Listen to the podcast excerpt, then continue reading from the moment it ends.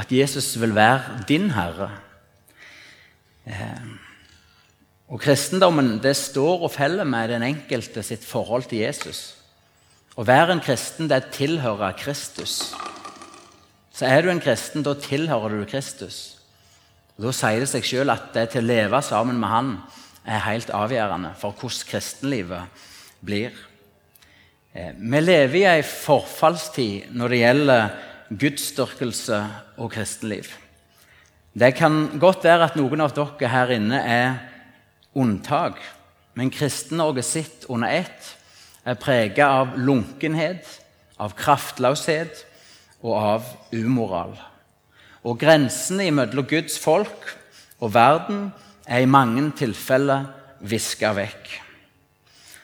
Vi bærer kristennavnet, men vi lever og tenker som resten av verden. Kunne jeg fått vannet? Er det sånn Bibelen sier at et kristenliv skal være?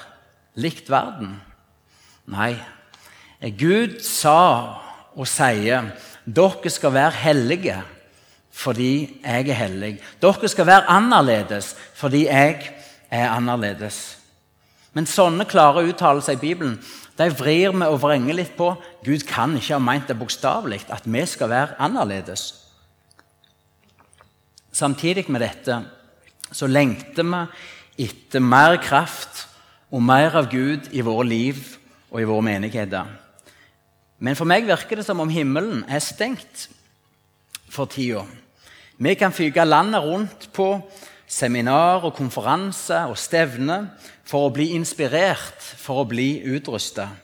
Men det virker som så utrolig lite kommer ut av våre ønsker om liv og vekkelse. Har Gud forandra seg?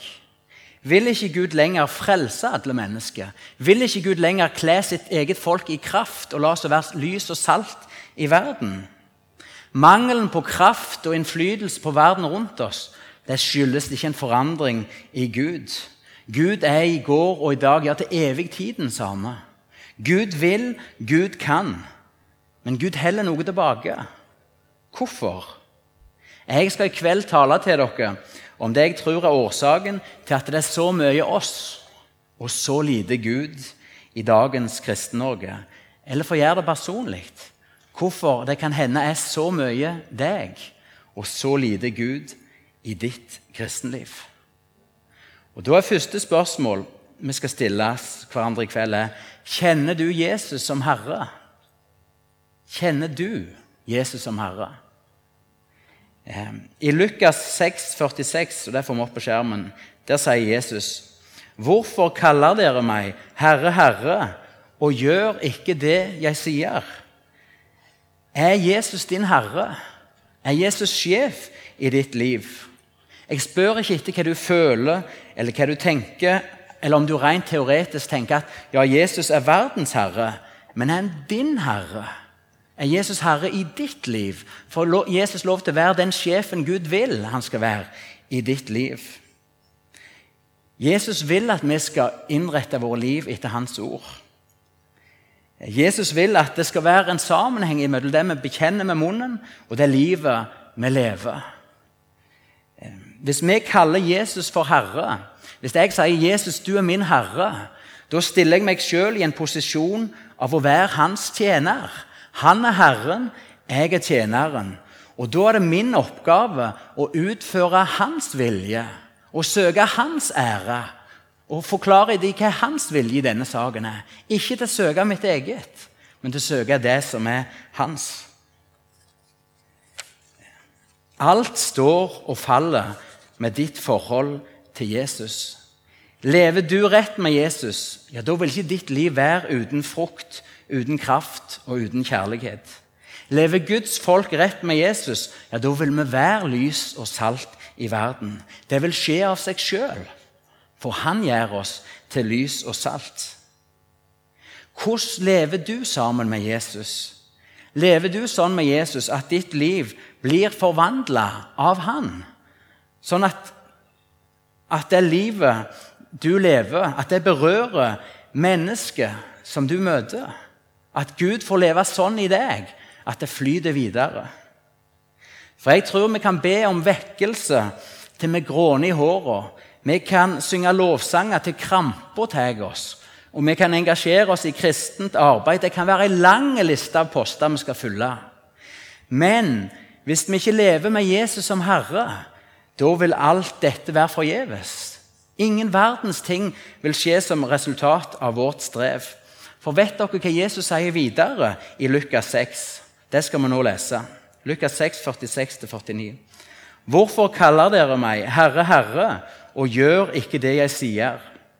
Den som kommer til meg og hører mine ord og gjør etter dem, hvem han ligner, skal jeg fortelle dere. Han er lik en mann som bygde et hus, og som gravde dypt og la grunnmuren på fjell. Da flommen kom, brøt elven mot huset, men kunne ikke rokke det fordi det var godt bygd. Men den som hører og ingenting gjør, han ligner en mann som la huset på bare bakken, uten grunnmur. Da elven brøt mot huset, falt det med en gang, og hele huset styrtet sammen. Jo, Hva er det Jesus sier her? Han sier det er to måter å leve et disippelliv på. Det fins én type disipler, eller du kan være en disippel som hører hans ord, som sier 'Jesus, du er Herren min', og så går du videre og lever ditt liv uten at du bygger på hans ord, uten at du handler på hans ord, uten at du bøyer deg for hans vilje. Hva sier Jesus et sånt liv vil ende i? En katastrofe. I møte med stormen, i møte med dommen. Dette livet vil ikke stå. Men du kan være en klok disippel en klok mann som hører Jesus sine ord, tar de til ditt hjerte og bøyer deg for hans vilje og bygger ditt liv på hans ord. Et sånt et liv tåler møtet med stormen. Det blir stående. Og Det står i Salme 127 og vers 1.: Hvis ikke Herren bygger huset, arbeider bygningsmennene forgjeves. Hvis ikke Herren bygger huset, da arbeider bygningsmennene forgjeves. Dette er en sannhet for ethvert kristenliv og for ethvert menighetsliv. Hvis det ikke er Jesus som styrer Salem, hvis det ikke er Jesus som kaller og, og føyer sammen legemet sitt her, som kaller og utruster til tjeneste Dere arbeider forgjeves. Likt i ditt eget liv. Hvis ikke Jesus er sjef, hvis ikke du går på hans vei, søker hans vilje Du arbeider forgjeves, samme hva du kaller det, og hvilken fin fasade du setter opp. Hvis ikke Herren bygger huset, hvis ikke Herren bygger menigheten, hvis ikke Herren får bygge ditt liv, du arbeider forgjeves. Jeg vil si Det er litt typisk for oss kristne i dag at vi sier ja takk til Jesus som frelser. Men så sier vi nei takk til Jesus som Herre. Jesus, du kan få syndene mine, jeg vil ha håp om himmelen, men livet her og nå Jeg har så mange planer, så mange drømmer, så mange tanker. Jeg vil leve mitt liv. Jeg vil bestemme sjøl. Og så blir nåden ei sovepute og egentlig en vegg vi reiser opp mot Gud for at han skal få være herre over våre liv. Nå skal jeg gi eksempel på utsagn som ja, vi kan høre blant oss kristne i dag. For eksempel Er det ikke bare nåde? Kom ikke her og si at Gud krever noe. Eller nåde for meg er at Jesus alltid er der for å tjene meg og møte mine behov. Eh, eller nåde for meg er at jeg, jeg kan leve akkurat sånn som jeg har lyst. Og gjennom alt dette vite at Gud er med meg og velsigner mine valg. Og Det kan til og med gå så langt at at Guds eget folk, som er kjøpt med Jesus sitt blod, at de bruker Jesus som en mur mot Gud og sier Gud, la meg være i fred med mitt liv. Jeg er jo frelst. Jeg har jo Jesus. Jeg er jo døpt. Jeg tilhører jo en menighet. La meg nå forfølge mine mål.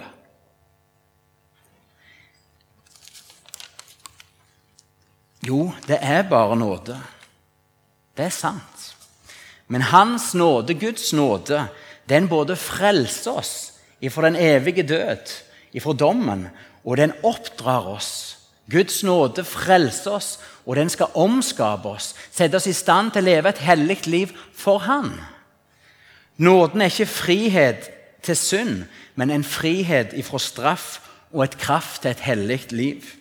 For Jesus han var Guds lam, som kom for å bære verdens synd, som bar min synd, som bar de synd, opp på korset. Han kom for å tjene og gi sitt liv som en løspenge, for å kjøpe fri alle de som var kua av djevelen og fanga i synd. Det er oss. Han døde, men På den tredje dagen så ble Jesus oppreist av Faderens veldige kraft. Og herreveldet ble lagt på hans skuldre. Gud i himmelen har innsett Jesus som herre og konge for sitt folk. Har vi mottatt Jesus som frelser, ja, da tilhører vi han. Da er vi kjøpt, og da skylder vi òg å leve for han som gikk i døden for oss. For 2000 år siden så gikk Jesus rundt i Israel og kalte mennesket med to mektige ord. Følg meg. Summen av kristenlivet ligger egentlig i disse to ordene. Det rommer alt. Følg meg. Å være en kristen er å følge Jesus. Å gå i hans fotspor, leve i hans nærhet, søke hans nærhet. Vær hans og vær se han. Følg meg. Jesus kom ikke til Peter, Andreas, Jakob, Johannes og sa Peter, please, ta meg med på, på vandringa di. La meg få gå to skrutt bak. Jeg skal ikke kreve mye, jeg skal ikke mene mye, men ta meg med. Når Jesus sa, 'Peter, følg meg'. Jeg har en vei for ditt liv. Ja, jeg er veien. Følg meg, Peter, så skal jeg gjøre deg til en menneskefisker. Jesus, mesteren, er den samme i dag. Han kommer også til hver enkelt av dere og sier, 'Følg meg'. Gå på min vei. Gå i mine spor så skal jeg gjøre deg til en menneskefisker. Så skal jeg forvandle ditt liv med min kraft og med min nåde. Eh, jeg har en kort karriere som sauebonde. Jeg er ikke sau lenger, men en torr sommer så hadde jeg sauen på et beite der det også var en myr. Og en myr blir aldri tørr. Eh, og en sau den hadde sunket ned i myra, sånn at bare litt av hodet, ansiktet, viste. Hele sauen lå unna. Og Det var så blaut der at jeg kunne ikke gå ut, men jeg måtte hive en forskalingslem og to og gå ut på den. Og så måtte jeg rive noe enormt for å få den sauen opp. Og når sauen kom opp, så var det ikke en hvit ulldott, men han var smart. Eh, den sauen var fullstendig fortapt. Hadde ikke jeg kommet, hadde ikke jeg tatt tak i den og dreid den opp, ja, den ville garantert dødd. Men så fort så sauen liksom Han gikk jo sjanglete etter å ha leid nede i myra så lenge. Men når den kom litt til hektene, jo, det, da stakk han ifra meg. Da ville han gå sin egen vei. Takk for hjelpa, men snakkes. Jeg er redd for at mange av oss kristne oppfører oss som denne sauen. Vi som alle andre mennesker vi var fortapt og døde i våre synder, som Bibelen sier. Jesus kom og drog oss opp ifra fordervelsens grav. Satte våre føtter ikke på en forskalingslem, men på en klippegrunn. Men så fort som vi kom litt til hektene og summer oss, så er det som om vi sjangler videre og så vil vi leve vårt eget liv. Garantert, Hvis vi vil forsøke å leve kristenlivet uten etterfølgelse, vi vil havne i myra igjen. Å være en kristen er å følge Jesus. Frelse og etterfølgelse henger sammen. Himmelens Gud har forent alt dette i Jesus, som er frelseren og hyrde for sitt folk. Gud har aldri kalt deg og meg til å være hyrdeløse sauer som springer våre egne veier i påvente om at himmelen skal komme til oss. Nei, Han har gitt oss en herre og en hyrde, en vokter og en fører for sitt folk. Hvis vi har en sånn innstilling til Jesus som jeg har gitt eksempel på nå, at vi egentlig ønsker å leve våre egne liv, så vil vi ha kristendommen som en sånn ytre plaster for å være sikre. Da blir det fasadekristendom. Da kan vi bli en samling av kristne som tilsynelatende tilber og tjener Gud med våre liv. Og Vi kan til og med plukke palmegreinene opp på søndagen og riste litt på dem og, og hylle Jesus som konge. Men de seks andre dagene i uka hvem er det da som får være herre i våre liv? Hvem er det da som får bestemme kursen og innholdet i våre liv? Vi kan ikke velge Jesus som frelser og takke nei til han som herre. Da risikerer vi å tape det evige liv. I Mattes 7, 21-23 så står det Ikke enhver som sier til meg, Herre, Herre, skal komme inn i himmelriket men den som gjør min himmelske Fars vilje. Mange skal si til meg på den dag, Herre, Herre, har vi ikke profetert ved ditt navn og drevet ut onde ånder ved ditt navn og gjort mange mektige gjerninger ved ditt navn? Men da skal jeg si dem rett ut. Jeg har aldri kjent dere. Bort fra meg, dere som gjør urett. Kanskje sitter du her i kveld som er litt skuffa av Gud, for du syns at han er langt vekke ifra deg og ditt liv. Kan hende erfarer du så lite av Gud. Kanskje sannheten er den motsatte for mange av oss. At det er vi som er langt vekke ifra Gud med våre liv. At det er vi som har valgt å gå våre egne veier i plassen for hans vei. At det er vi som lever som vår egne herre, i plassen for å leve under det herredømmet som Gud har lagt klart for oss hos Jesus. I Jesaja 59, vers 1-2, så leser vi Se, Herrens hånd er ikke så kort at han ikke kan frelse, og hans øre er ikke døvt så han ikke kan høre. Nei, det er deres misgjerninger som skiller mellom dere og deres Gud. Deres synder skjuler hans ansikt, så han ikke hører dere. Uoppgjort synd er noe som kan skille oss fra Gud. Uoppgjort synd sprer død og tvil i våre liv og i våre menigheter. Ja, men jeg har jo Jesus, sier du. Da kan jo ingenting skille meg ifra Gud. Ja, nettopp på grunn av Jesus så kan vi gang på gang gå fram for en hellig Gud. Stå i hans lys og bekjenne vår synd og erfare at vi blir tilgitt. At nåden er ny hver dag. Men Jesus han er ikke en fullmakt fra himmelen til å leve i synd, til å leve i ulydighet mot Guds vilje. Men han er vår frelse ifra synd, vekk ifra synd.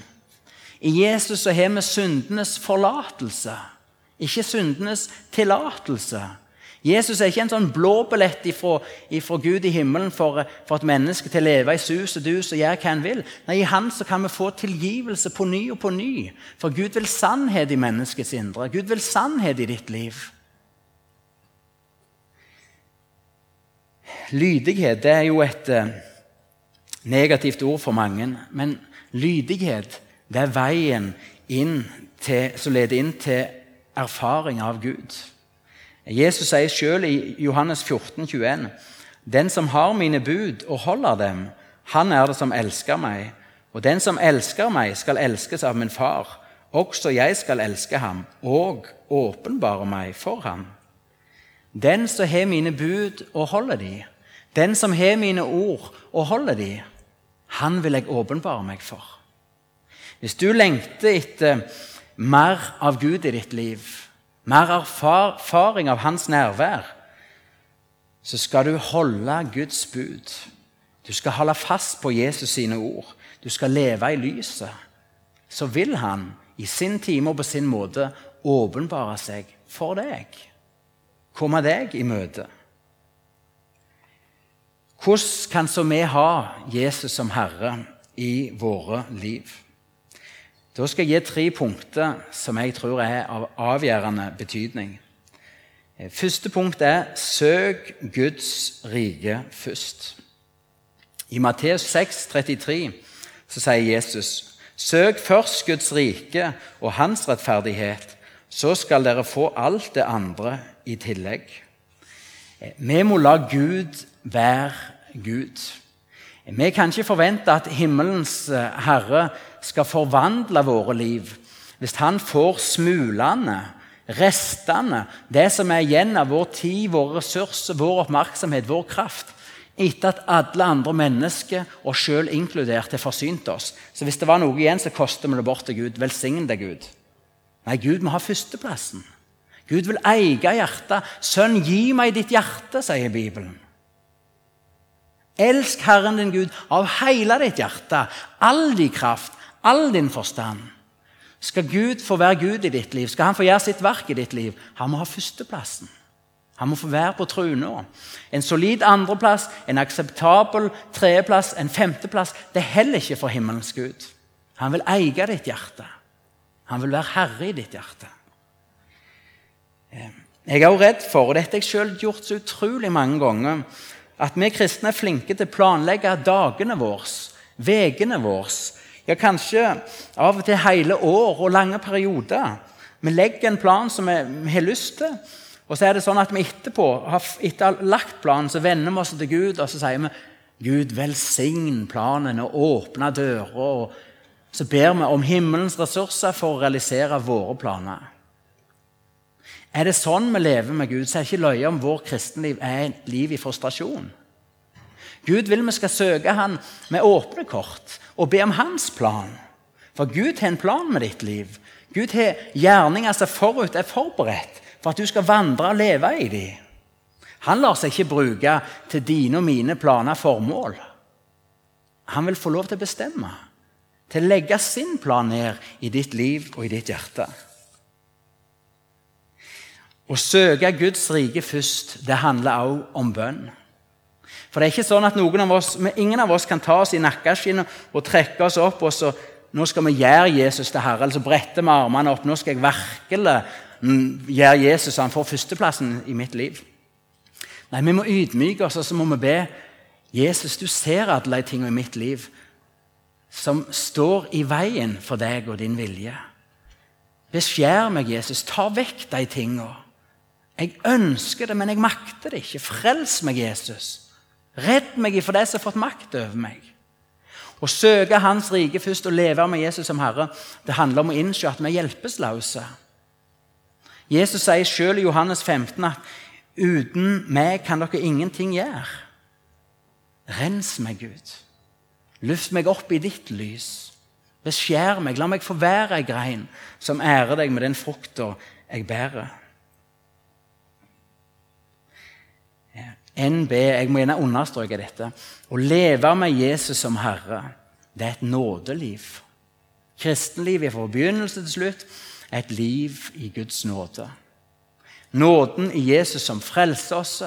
Den hellige ånd som tok bolig i deg og ønsker å være virksomme. Nådens nyskapende kraft i ditt liv. Forvandle ditt hjerte, ditt sinnelag, så du kan tenke Guds tanke. Det er nådig fra begynnelse til slutt. Det er Guds verk. Det er Han som skal ha æra. Men vi må bøye oss inn under dette nådelivet. Vi må være under Hans herredømme, så Han kan få gjøre med oss etter sin gode vilje. Vi må forbli hos Jesus. Det var første punkt. Søk først Guds rike. Det neste punktet jeg vil trekke fram, det er skal du leve med Jesus som Herre, så må du høre det Jesus, eller det Gud sier i sitt ord, og så må du gjøre det Gud sier i sitt ord. Hva er Guds vilje? Jo, Bibelen gir oss svaret. Skal vi leve med Jesus som Herre, så må vi jo vite hva han mener og hva han sier. Og Det er genialt med Bibelen at vi kan slå opp i og få klarhet i hva Jesus vil. Og Det fantastiske med Bibelen det er at den gir oss kunnskapen om Guds vilje, kunnskapen om Jesus sin vilje, men den gir oss også kraft til å leve denne viljen ut i våre liv. I Matteus 4,4 så sier Jesus Mennesket lever ikke bare av brød, men av hvert ord som kommer fra Guds munn. Eh, en gang jeg skulle tale over kraften i Bibelen, når jeg forberedte meg til den talen, så fikk jeg et bilde. Om dette var et indre bilde, eller om det var noe jeg tenkte når jeg så det forberedte meg, det husker jeg ikke, men jeg, men jeg fikk et bilde. Og I det bildet så, så jeg eh, forsamlingen, eller menigheten jeg skulle tale til. De kom kjørende til kirka i fine biler, og de så velkledd ut. Men når de kom ut av bilene, så var de radmagre. De var sultefòra.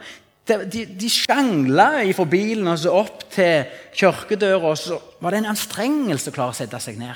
De var helt kraftløse. Og For meg så ble dette bildet en minnelse fra Gud om at sånn er nok situasjonen for mange kristne. Vi er sultefòra på Guds ord. Vi mangler den kraften til liv og vandring med Gud fordi Bibelen forsømmes. For hva sier Jesus? Mennesket lever ikke av brød alene, men av hvert ord som kommer fra Guds munn. Hva skjer hvis du slutter å gå til kjøleskapet og ete, eller slutter å ete? Jo, etter hvert så blir du uoppmerksom. Du får ikke den kraften til å gjøre den daglige gjerning.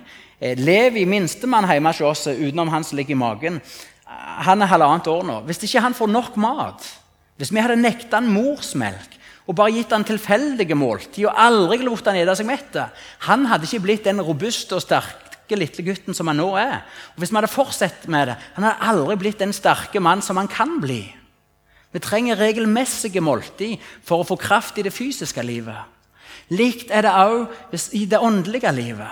Skal du ha kraft til din vandring med Jesus, du må spise Guds ord. Du må ete Bibelen. Jeg mener ikke du skal rive sidene ut og svelge dem, men du må gå og så må du si Jesus, i dag òg trenger jeg et måltid. I dag òg trenger jeg friske manner. Og Så skal du ta til deg av det som står i Guds ord. Det er umulig å vandre med Jesus uten at vi vandrer i tro. Og Hvordan får vi så tro? Jo, Bibelen sier i Romerne 10, 17, så kommer da troen av det budskap en hører. Og budskapet kommer av Kristi ord. Dette gjelder den frelsende tro. For at mennesker blir frelst, må du høre ord om korset. Om at Gud elsker dem så høyt at han var villig å gå i døden for dem. Men det gjelder også, skal vi som Abraham vandre i tro, så må vi vandre i ordet. Vi må ta tak i løftene og leve etter løftene. La de få styre kursen spise løftene, ta de til oss. For Guds ord ved åndens kraft skaper tro i våre hjerter. Tro det er en befrielse. Tro er ikke en prestasjon, en intellektuell overbevisning. at du sier nå skal jeg virkelig, virkelig, virkelig tro dette. Nei, gå til Bibelen så svak du er, og ed løftene, ed ordet. Så skal Gud ved ordet skape tro i ditt hjerte. Så du får en indre overbevisning, så du i møte med alt i verden kan holde fast på det Gud har vist deg og stå i det, det Gud har kalt deg til å stå i. Salme 119, vers 105, der står det Ditt ord er en lykt for min fot og et lys på min sti. Det er fantastisk. Står du på valg, ser du ikke veien videre, så husk Guds ord er en lykt for din fot og en lys på din sti. Gud lar oss ikke alltid se 500 meter fram, men alltid nok, hvis vi lever i ordet, til å se neste skritt som Jesus har behag i at vi tar. Og Av og til er det sånn at neste skritt er til å vente. Så det at du ikke ser veien, det betyr ikke at Gud ikke en vei, men han vil gjerne prøve deg og la deg vente på hans time. Men lev og vent i ordet. Er det sånn at Guds ord er erstatta med menneskeord og visdom i ditt liv? Er det sånn at Guds folk i Norge leser mer i bøker om kirkevekst og suksessfulle menigheter, kristne avis og ukeblad enn i Bibelen. Jeg får av og til inntrykk av at vi er desperate. Vi leter liksom etter den nye oppskriften, for vi ser at landet er i ferd med å bli avkristna. Så må vi finne en ny strategi eller en sånn strategisk, visjonær måte å være kristne på, sånn at vi kan samle sammen folk og bli vellykka igjen og fylle benkene. Så er vi helt despo. Liksom. Hvordan gjør vi det nå? Hvordan gjør de det der? Og vi reiser verden rundt for å få et glimt av Gud og få noen nye ideer.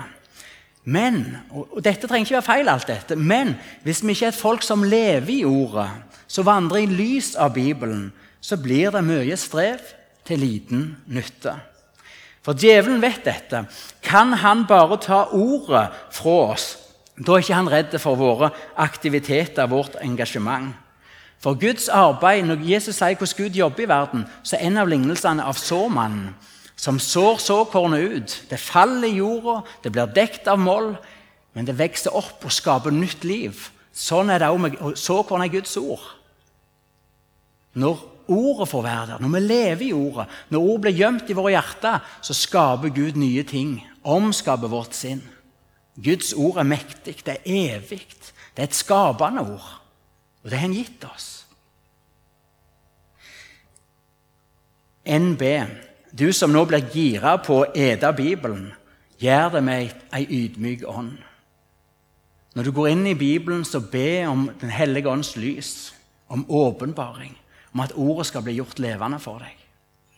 For selv i Bibelen så klarer du deg ikke uten veilederen. Og Jesus har i sitt sted gitt oss en annen veileder, Den hellige ånd, for å veilede deg til den fulle sannhet. Be om lys over din bibel. Jeg må si én ting til om det til å høre og gjøre Guds ord. I Jakobs brev, kapittel 1, vers 22, så leser vi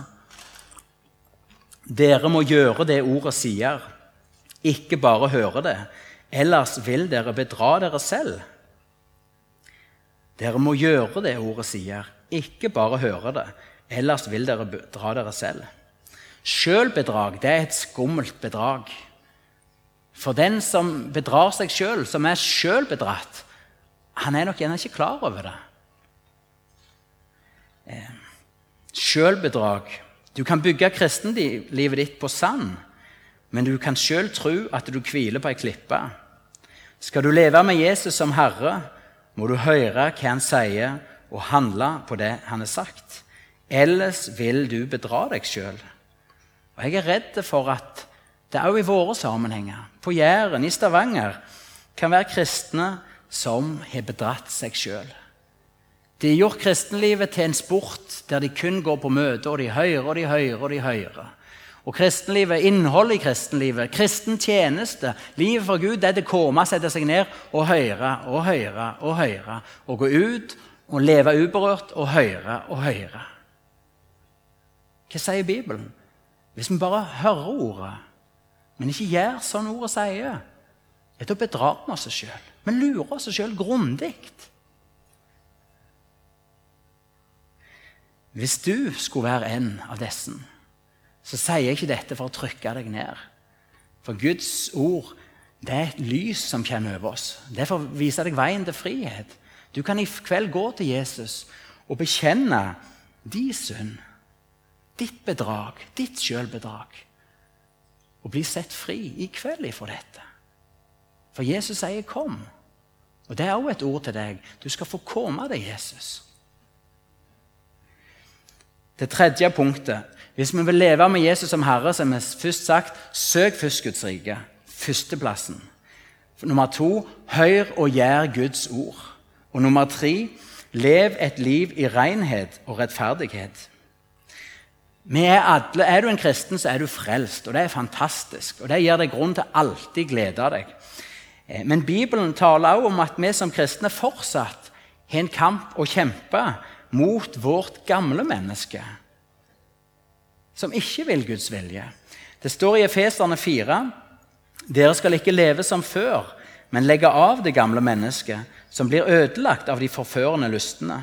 Dere må bli fornyet i sjel og sinn og kle dere i det nye mennesket, det som er skapt etter Guds bilde, til et liv i rettferd og hellighet etter sannheten. Og i 2. Eh, Timoteus 3 så leser vi du skal vite at i de siste dager skal det komme vanskelige tider. For da vil menneskene være egoistiske, glade i penger, fare med skryt, være overmodige, snakke stygt om andre, være ulydig mot foreldre utakknemlige, uten respekt for det hellige, ukjærlige og uforsonlige, fare med sladder, mangle selvbeherskelse, være rå, likegyldige for det gode, svikefulle, oppfarende, innbilske. De elsker lystne høyere enn Gud. I, de, I det ytre har de gudsfrykt, men de fornekter dens kraft. Vend deg bort fra slike folk. Vi lever i de siste tider. Paulus sier i første kor tid til oss som de siste tider har kommet. Du og meg, vi er de menneskene som står i fare for å bli alt det som her beskrives. Uten respekt for det hellige. Fare med sladder. Være utakknemlige osv. For verden rundt oss, denne verdens gud, djevelen, og vår onde natur ønsker å føre oss den vei der dette blir frukten av vårt liv, der dette blir de spor vi etterlater oss etter vår vandring. Skal du og jeg ha Jesus som Herre, skal vi leve med Han som Herre, så må vi begynne å kjempe en kamp som jeg er redd for at mange kristne i Norge har slutta å kjempe. Vi må kjempe mot synd i våre liv. I Hebreerne 12,4 så står det da hopper vi over ett bibelhenvisning. I kampen mot synden har dere ennå ikke gjort slik motstand at det gjaldt livet. Og Da blir spørsmålet til hver enkelt her i kveld kjemper du mot synd. Mot det i ditt liv som du vet bryter med Guds ord, med Guds vilje. Kjemper du, eller har du stifta fred? Vender du deg til Jesus og bekjenner, eller har du begynt å bortforklare, unnskylde ah, 'Det er ikke så nøye', og han òg gjør det, og det, det er sånn tida har blitt. Bekjenner du, eller bortforklarer du? Jeg skal bruke et lite bilde nå. Når vi kjøpte gården ute på Klepp, så fulgte det med et stort heimehus. Det har vi riktignok revet nå. Men dette huset, hvis vi regner med alle rom, så var det totalt 21 rom i dette huset. Og det var mulig å ha ni soverom. Og det var kun meg og kona og Tiril. Vi var tre stykker som flyttet inn i det. Så jeg sa til kona at her er det muligheter. Vi kan bli mange i dette. Utrolig med rom. Eh, og det er fantastisk å ha mye rom. Men når du er en liten familie som kun bruker noen få rom, så er det samtidig sånn at alle de tomme rommene de blir rom som lett kan bli fylt med rot. Hvis vi var litt bakpå ei uke og fikk besøk eller Utrolig lett å bare raske sammen det på gulvet, og så hiver du det inn på et tomt rom. Ute av sinn glemt. Og utrolig skremmende hvor fort du kan fylle opp et helt rom med rot. Og Til slutt er det sånn til å gå inn der og finne noe det er umulig. Så du har bare lyst til å skru av lyset, lukke døra, og så kan du begynne å hive inn på et nytt rom. Og Sånn kunne meg og kona flytte rundt som en husnomad fra etasje til etasje, fra rom til rom. Og til slutt så levde vi kun på den store yttergangen. Og så kunne vi lagd en forklaring at det var en utrolig grei måte å leve på. For det var alltid kort vei for oss når vi skulle ut på noe og komme inn på noe. og Det var greit å ha besøk på gangen, for det var ikke så langt til bilen. og så egentlig utrolig greit, og Hva skal vi resten av huset? Vi kunne dikte opp noe til slutt, så hadde vi blitt så vant med at det ja, utrolig greit med denne gangen. Likt kan det òg være i det åndelige livet. Hvis noe av ditt liv får ligge i mørket, hvis det er områder hvor Guds lys ikke får lyse over, hvor du ikke lar Guds vilje råde Der du bevisst velger om det er forhold til penger, hvordan du behandler dine foreldre, hvordan du er som ansatt på din arbeidsplass Samme hva det enn skulle gjelde. Hvis du lar noe bli vekk ifra Guds herredømme, så er det som et rom som ligger i mørket. Et område hvor det lett samler seg rot. Hvor det til slutt blir så vanskelig å komme inn og orientere seg at du bare tenker Nei, dette her Dette skal ikke ha noe med meg og min Jesus og mitt liv Dette heller jeg bare utenfor. Og Sånn kan det også være i det åndelige liv for flere. at Rommet det starter med en liten ting. Bare dette lille. Men så får du makt over deg. Og Bibelen sier den som gjør synd, blir syndens trell. Så selv om du føler deg kjempesterk, så er du svak mot disse krefter. Så kan det bli som rom etter rom i ditt liv. Lyset sløkkes, Gud stenges ute. Og til slutt så står du også på yttergangen. Så vifter du med palmegreiner gjennom glassruta. Så står Jesus ut forbi og sier du, 'Jesus, du er Herren min.' Men du kan ikke komme inn, for her er det bare rot og kaos. Er det sånn du lever, er det sånn vi lever med Jesus, så er det ikke løye om det blir mye oss og lite Gud i våre kristenliv. Det fantastiske med Jesus han, han vet at vi er ikke i stand til å sette huset i rett stand sjøl. Han forventer ikke at du skal prøve å, å pynte på det, men han vil ha adgang. Jesus kom inn. Og får Sønnen gjort dere fri, så blir dere virkelig fri. Samme hvordan du har rota det til, hvis du roper om nåde, hvis du ber Jesus med hans lys og herlighet, med hans kraft til å sprenge bånd om å komme inn, han vil sette deg fri. Han vil sette deg virkelig fri. Vi trenger hver for en å be Den hellige ånd om å kaste lys over våre liv. Vi trenger å stå i ordets lys, sånn at Guds lys kan være over oss. Så vi kan vandre rett på den veien som Han har for oss. Jeg må si et lite, lite ting. Det er forskjell på fall og frafall. Som kristne er vi fortsatt skrøpelige mennesker som gjør feil, og som dessverre faller i synd. Men som kristne kan vi ikke forbli i vårt fall. Vi bekjenner vår synd og bøyer oss for Guds vilje. Og det fantastiske han reiser oss opp igjen. Og så vandrer vi videre med blikket festet på Jesus for å fullføre løpet som han har kalt oss til. Motsatt, hvis du vil forbli i din synd og din ulydighet, ja, over tid så fører fall til frafall. Over tid så er det ikke mulig for en kristen å leve i bevisst ulydighet mot Gud og forbli en kristen. Guds nåde er tilgjengelig for den angrende synder.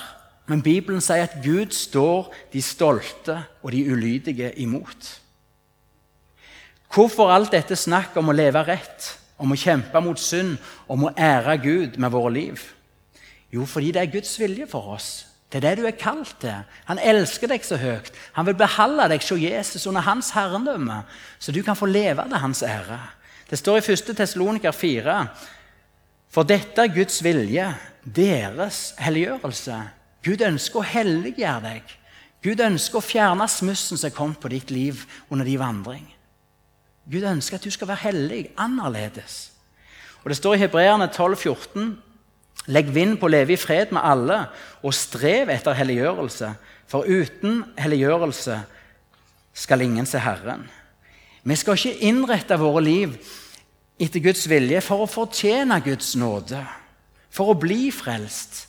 Nei, vi er ubetinga elska. Før du tenkte en tanke på Gud, så hadde Gud for evighet bestemt å gi sin sønn til de frelsa. Mens vi ennå var ulydige og levde med ryggen til Gud. Han elsker oss. Men fordi vi er frelst, fordi vi er så høyt elska, så er vi kalt til å leve for Han. leve hos Han.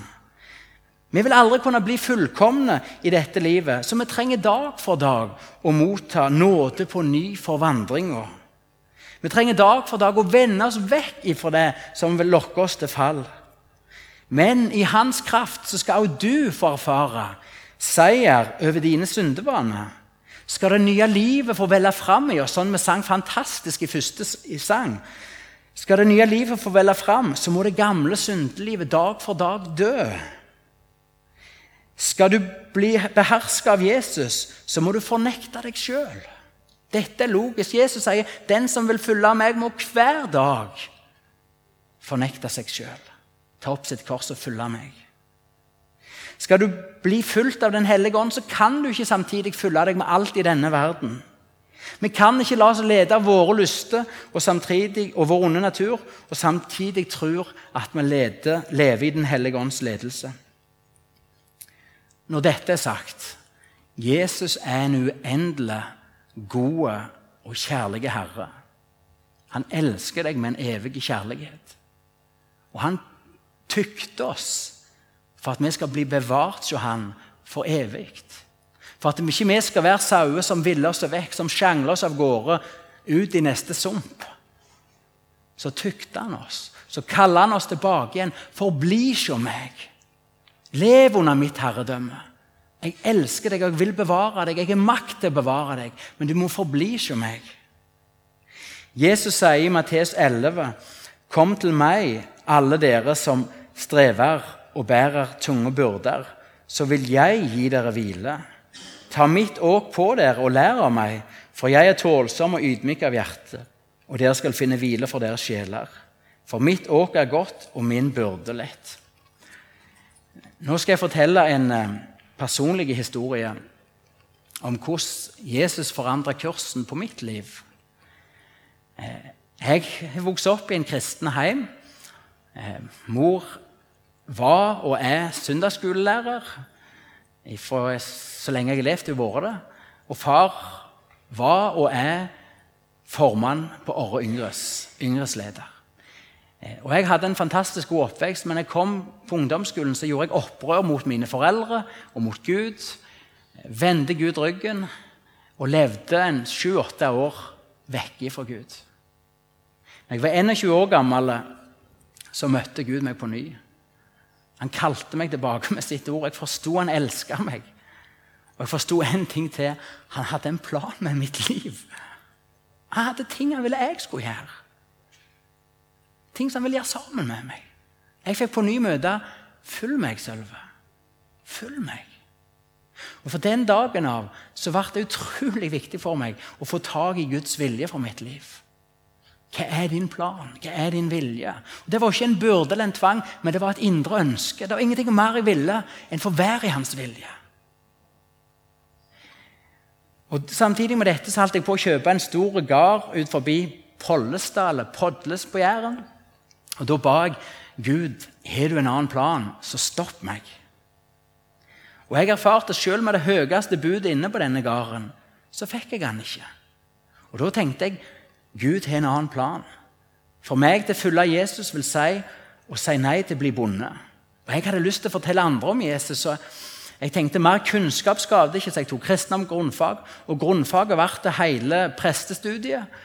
Og for den fasen av mitt liv så har jeg tenkt at Gud har kalt meg til heltidstjeneste som prest eller misjonær eller hva det måtte være. Så jeg ble prest på Sandnes og var det i ca. tre år. Og så skjedde noe merkelig i, eh, i lønnkammeret. Jeg var i bønn og Bibel alene, og når vi òg var et lite fellesskap i lag, så var vi sammen i Bibel og bønn. For da begynte en tanke, en klar tanke å komme til meg, og det var Sølve. Tida er inne for å bli bonde. Jeg trodde jo at det var fristeren sjøl som liksom ville avvise det. Ikke frist meg, det er en gammel drøm som vekkes til live. Jeg er jo prest, men tanken kom stilt og rolig. Sølve, tida er nå inne for at du skal bli bonde. Jeg vågte ikke ta det inn til meg. Jeg holdt det vekke. Men det var flere ting som skjedde. En gang så ba noen kamerater for meg, og, og han ene, eller om det var to, som sa det, det er jeg ikke sikker på, men uten jeg hadde sagt noe så, om gard eller hva som skjedde inni meg, så sa han du Sølven, jeg ber for deg. Jeg tenker bare på hans vold. Nå vet sikkert ikke dere hvem hans vold er, men det er en bonde på Jæren som for meg er et godt forbilde på en bonde som brenner for Jesus og reiser rundt som taler. Og Da begynte hjertet mitt å slå litt. Kan det være at Gud sier 'sølve tida inne'? Du skal få bli en hans vold. Men fortsatt så vågte jeg ikke tro det, for, for dette var jo for godt til å være sant. Dere kan sikkert ikke forstå meg, Ingen av dere drømmer om å bli bonde, men det var en gammel drøm for meg. Eh, så noen dager eller uker seinere eh, Jeg trodde ikke på det ennå. Da leste jeg i Bibelen i Markus 10. Og Det var nesten så de bare spratt imot meg, de ordene som Jesus sier i Markus 10. For der sier Jesus at den som gir avkall på hus og ågre, sier han familie osv. for mitt navns skyld, han skal få i den nåværende verden hus og ågre osv., men også forfølgelse. Og i den kommende verden evig liv. Hva er hus og en åger? bondegård. Hvem skulle få en bondegård? Han som for mitt navns skyld har gitt avkall på det. Da sa jeg bare yes! Halleluja, det er et løfte til meg. Da begynte jeg å tro det er, det er Jesus sier. Sølve, tida inne. Du skal få bli en Hans vold. Da starta litt problemer i mitt liv. for Da måtte jeg hjem til kona og si at jeg trodde jeg skulle bli bonde. Og Vi hadde akkurat bygd oss et nytt sånn funkishus i Skårli i Sandnes. Vi hadde vel bytt der et halvt år, og hun er ei byjente. Hun hadde fått akkurat som hun ville. Så jeg husker ennå den kvelden det er den verste i ekteskapet. Vi satt i hver vår ende av en treseter eh, sofa. Hun strigrein og sa at hvis du skal bli bonde, så får du finne deg ei bondekone. Hun hadde gifta seg med en prest. og jeg syntes hun var håpløs og vanskelig, alt det der, og jeg sa sikkert mye dumt, men jeg sa også det at med mindre du òg ønsker det, så er det ikke aktuelt. Så det gikk noen uker. Vi snakket ikke så mye om det. Men da får jeg en dag en tekstmelding fra Hege. og Der står det 'Jeg vil bygge meg en gård med en hage utenfor. Prikk, prikk, prikk. Din Hege'. Jeg hadde ikke gjort en ting, men, men jeg sier 'overlat kona til Herren' av og til. Han hadde gjort hun klar for dette. Det var, hun sier det selv, det var akkurat som noe letta fra hodet hennes en dag. For hvorfor pinner jeg på dette huset? Så da ble hun klar for at vi skulle lete etter den gården som vi trodde Gud hadde for oss. Og Da begynte vi å lete, og vi satte opp noen ønsker for hvor det skulle være. Eh, Kona mi ville ikke at det skulle være lenger sør enn til Klepp, for liksom Bryne, Nærbø. Det var for langt ut på bondelandet. Og helst ikke mer enn et kvarter ifra Kvadrat for å like å handle der. Det høres helt sprøtt ut. Men vi, vi begynte å, å, å målbevisst lete, søke rundt i sånne områder. Og vi ba om vi reiste. Vi ba om vi reiste. Og Vi var sikkert så hundrevis av gårder. Det sto ikke til salgs på noen, men vi lette etter det vi trodde Gud hadde utvalgt. Og En dag så kjører vi forbi der vi nå bor. Jeg ville vise Hege den gården og det området. Vi parkerer bilen i grøfta, vi ber. Og Jeg kan ikke forklare det, men vi får en grunnleggende fred begge to. Her skal det være. Og Da er jeg forholdsvis fremodig, så da går jeg på døra og ringer på hos bonden og sier hvem jeg er, og at jeg er på jakt etter gard om denne var til salgs eller forpaktning. Det var han ikke. Eh, det, men han trong en avløser. Og Da sier jeg ja, jeg kan godt være avløser. For da tenkte jeg kanskje som Jakob i Bibelen, så må være dreng noen år før jeg får det. Så jeg skulle være avløser. Riktignok kom jeg aldri i gang med dette, men, men jeg skulle være avløser. Så jeg, eh, Det var en kamp for meg, men jeg sier opp jobben som prest. Ja, hva da du skal? Jo, jeg skal bli bonde. Eh, ja vel, eh, er det greit med deg? Mange som trodde jeg var utbrent, jeg hadde gitt for mye av meg sjøl. Men det måtte jeg bare tåle. Ja, hvor da henne? Nei, det kan jeg ikke si noe om, men vi tror det skal ordne seg. Så meg og kona bare takket og ba Gud for at det var i hans hender. Og hvis vi skulle få den gården, så skulle det ikke være for at vi gravde den til oss og la det spisse albuer, men han skulle gi den til oss. Så mens vi ber for dette en dag, og det er sikkert gått noen måneder, så får kona mi et bilde. Det er jo sånn som det står i Joel og i apostelgjerningene, at Gud i de siste dager så skal de gamle ha drømmer, de unge se syne. Eller om det var omvendt. Så hun får et bilde hvor hun ser bonden stå midt på tunet med åpne armer og viser oss alle jordene på gården. Og tar oss inn i det ene huset og viser oss alle rommene. Eh, og når vi fikk dette bildet mens vi ba, så tenker er det fra Gud, så må vi handle på det. Det er akkurat som Vi skal ikke bare høre, men vi må også la det føre til konsekvens i livet. Så vi setter oss i bilen og kjører opp. Og ganske riktig, når vi treller inn i gardsrommet, så står bonden midt på tunet. Jeg går ut av bilen, kona sitter igjen. Og når jeg snakker med bonden, så er det sånn frysning på ryggen. For da, da sier han, 'Sølve, du må huske på sånn og sånn den dagen dere skal bo her.' Da hadde det skjedd noe med hans tanker òg. Vi skulle få bo der en dag. Han hadde, dere skal få bo. Han viste oss alle jordene akkurat i bildet, og tok oss med inn i huset og viste oss alle rommene. Og For oss så ble det en enorm bekreftelse på dette er Guds hender. Dere skal vente, dere skal takke, og dere skal ha tillit. Så igjen, det går flere måneder, ingenting skjer. Foreldrene mine er naturlig nok bekymra for De hadde en grom sønn som var prest, men nå var han en svermer på gardsjakt. og Hva skjer med dette luftslottet? Og vi hadde ikke så mye å vise til. Så vi kjenner litt på presset om at noe må skje. Så da sier kona en dag til meg nå må vi be noen dristige bønner. Ja, Det var jeg klar for. Så vi ble enige om at vi skulle be Gud om et gjennombrudd når det gjaldt gården. Og Dette var en onsdag, og igjen så, så vi ganske praktisk på det. I helga hadde vi mange avtaler, så vi hadde egentlig ikke tid til gjennombrudd i helga. Så vi ble enige om å be Gud gi oss et gjennombrudd på mandagen over helga. Så vi ber for dette, og det er sterke løfter i Bibelen. Det er to av dere blir enige om en enorm styrke å ha en bøn bønnekamerat, om det er ektefelle eller en venn, men gå sammen bønneveien. Det er to av dere ber i mitt navn. Det må være etter Guds vilje. Men vi ber for dette, og mens vi ber for dette gjennom uka, så får kona mi et nytt bilde hvor hun ser eh, bonden og meg og en tredjeperson at vi sitter med et bord og skriver på et ark. Og når hun sier det, så sier jeg bare Yes! Det er kjøpskontrakten. Så jeg, eh, jeg reiser jo på mandags formiddag med hjertet i hendene Tenk hvis det var bare drømmeri og ønske. Det går an å ta feil. Eh, det fantastiske for oss er at bonden sjøl den mandagen foreslår at vi skal kontakte hans regnskapsfører og sette opp en kjøpskontrakt. Om mindre enn ei uke har vi signert og kjøpt gården. Eh, og vi har kjøpt den som vi skulle vært hans arvinger.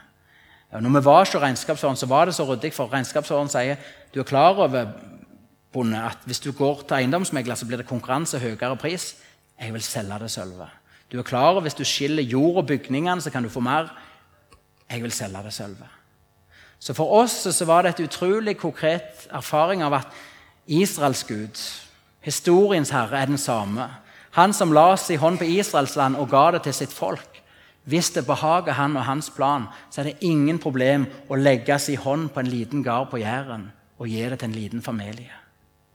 Hvorfor forteller jeg denne historien? For å si at alle som vil følge Jesus, skal bli bønder. Nei, det er det ikke. Men det var Guds vei for meg. Gud har en plan og en vei for den enkelte. Jeg sier heller ikke at dette være i Guds plan alltid fører til et liv i framgang og glede. Det er jo motstand, lidelse og kamp, forfølgelse forbundet med å følge Jesus. Men å være i hans plan er alltid det beste, ikke det letteste. Hvem lever du for? Hvem er det du lever for? Hvem er det du står opp om morgenen for å leve for? Er det deg sjøl, eller er det Jesus? Er Jesus herre i ditt liv? Får han være den hyrden og ha sitt nådige herredømme over deg, som Gud har bestemt? Hvis de bibelversene vi nå sammen har sett på, har kasta nytt lys over ditt liv, og du innser at ja, det er rom og område som er stengt for Jesus, så er det ikke nok å nikke med seg sjøl og si at det var en interessant tale. Husk hva Jesus sa. 'Hvorfor kaller dere meg Herre, Herre?' Og så gjør dere ikke det jeg sier. Vi må ikke bare høre ordet, men vi må handle på det og gjøre etter ordet. Hvis du innser at Jesus ikke er herre i ditt liv, Da må du omvende deg. Du må skifte kurs ifra å gå din egen vei og vende deg til Jesus og be om nåde, en ny begynnelse. Og han er mer enn villig til å gi deg det. Bekjenn den synd som fins i dine stengte rom, og bekjenn ditt frafall for Guds ord. Alt står og faller med vårt forhold til Jesus. For det er han Gud er innsett som hyrde, som herre og frelser for sitt folk. Jeg tror det er her kampen står i ditt og mitt liv. For Gud ønsker åpenbare mer av sin kraft og sin herlighet i Norge. Ja, Gud ønsker åpenbare mer av sin kraft og sin herlighet i ditt liv, i din skrøpelighet. Men han vil gjøre det gjennom sitt folk. Han vil gjøre det gjennom deg. Og han vil og har bestemt å gjøre det gjennom et folk som lever i ordet, og som vandrer med Jesus som Herre. Vi trenger ikke mer kurs og kompetanse og konferanser for å vandre i Guds kraft. Nei, Gud trenger mer av oss for at det skal bli mer av Han i vårt kristenliv. Lydighet mot Guds ord fører til frihet. Gi Guds ånd frihet i ditt liv. For han ønsker å krone Jesus til Herre på alle livets områder. Gud ønsker ved sin ånd og sitt ord å gi deg Hør på dette. Gi deg et liv med Jesus som Herre. Det er et nådeliv. Det må bli deg gitt. Men han trenger ditt liv. At ditt liv er et liv som er lagt ned for Jesus. Du som ble drogen og frelst med hans blod. Vær hos han. Forbli hos han. Han har gitt deg sitt alt. Og han vil på ny gi deg sitt alt.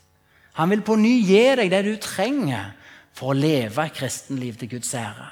Men du må forbli hos ham, Bøyd for hans vilje. Du må våge å slippe ditt liv i hans hånd. La oss be. Kjære Herre Jesus, vi bekjenner at vi mange ganger har såra deg med tanker, ord og gjerninger. Jeg bekjenner at jeg mange ganger har levd for meg sjøl, Jesus, og stadig velger den veien som ikke er til din gjerde. Men Herre Jesus, jeg ber om nåde for mitt liv og for livet til hver enkelt her inne. Jesus, vi ønsker å ha deg som Herre. Vi ønsker å miste våre liv til deg på ny. Vi påkaller deg, Helligånd, om du ville krone Jesus til Herre i vårt liv. Om du ville stelle sånn med hjertene våre at de er mjuke og åpne og vendt mot Gud. Og Herre Jesus, jeg ber om vekkelse over Salem. Jeg ber om en åndens aksjon, om du vil kløyve himmelen, om du vil stige ned. Om du vil sende ild som varme, ild som renser, ild som setter i brann for Jesus. Og Herre Jesus, jeg takker og priser deg for ditt ord og ber om at ditt ord må få virke det du er sendt for i kveld. At det må bli tatt vare på i hjertet som gir det rom. Og at det ikke bare må bli hørt, men at det må bli handla på. Herre Jesus, vi venter på deg. Vi takker og priser deg for din kjærlighet.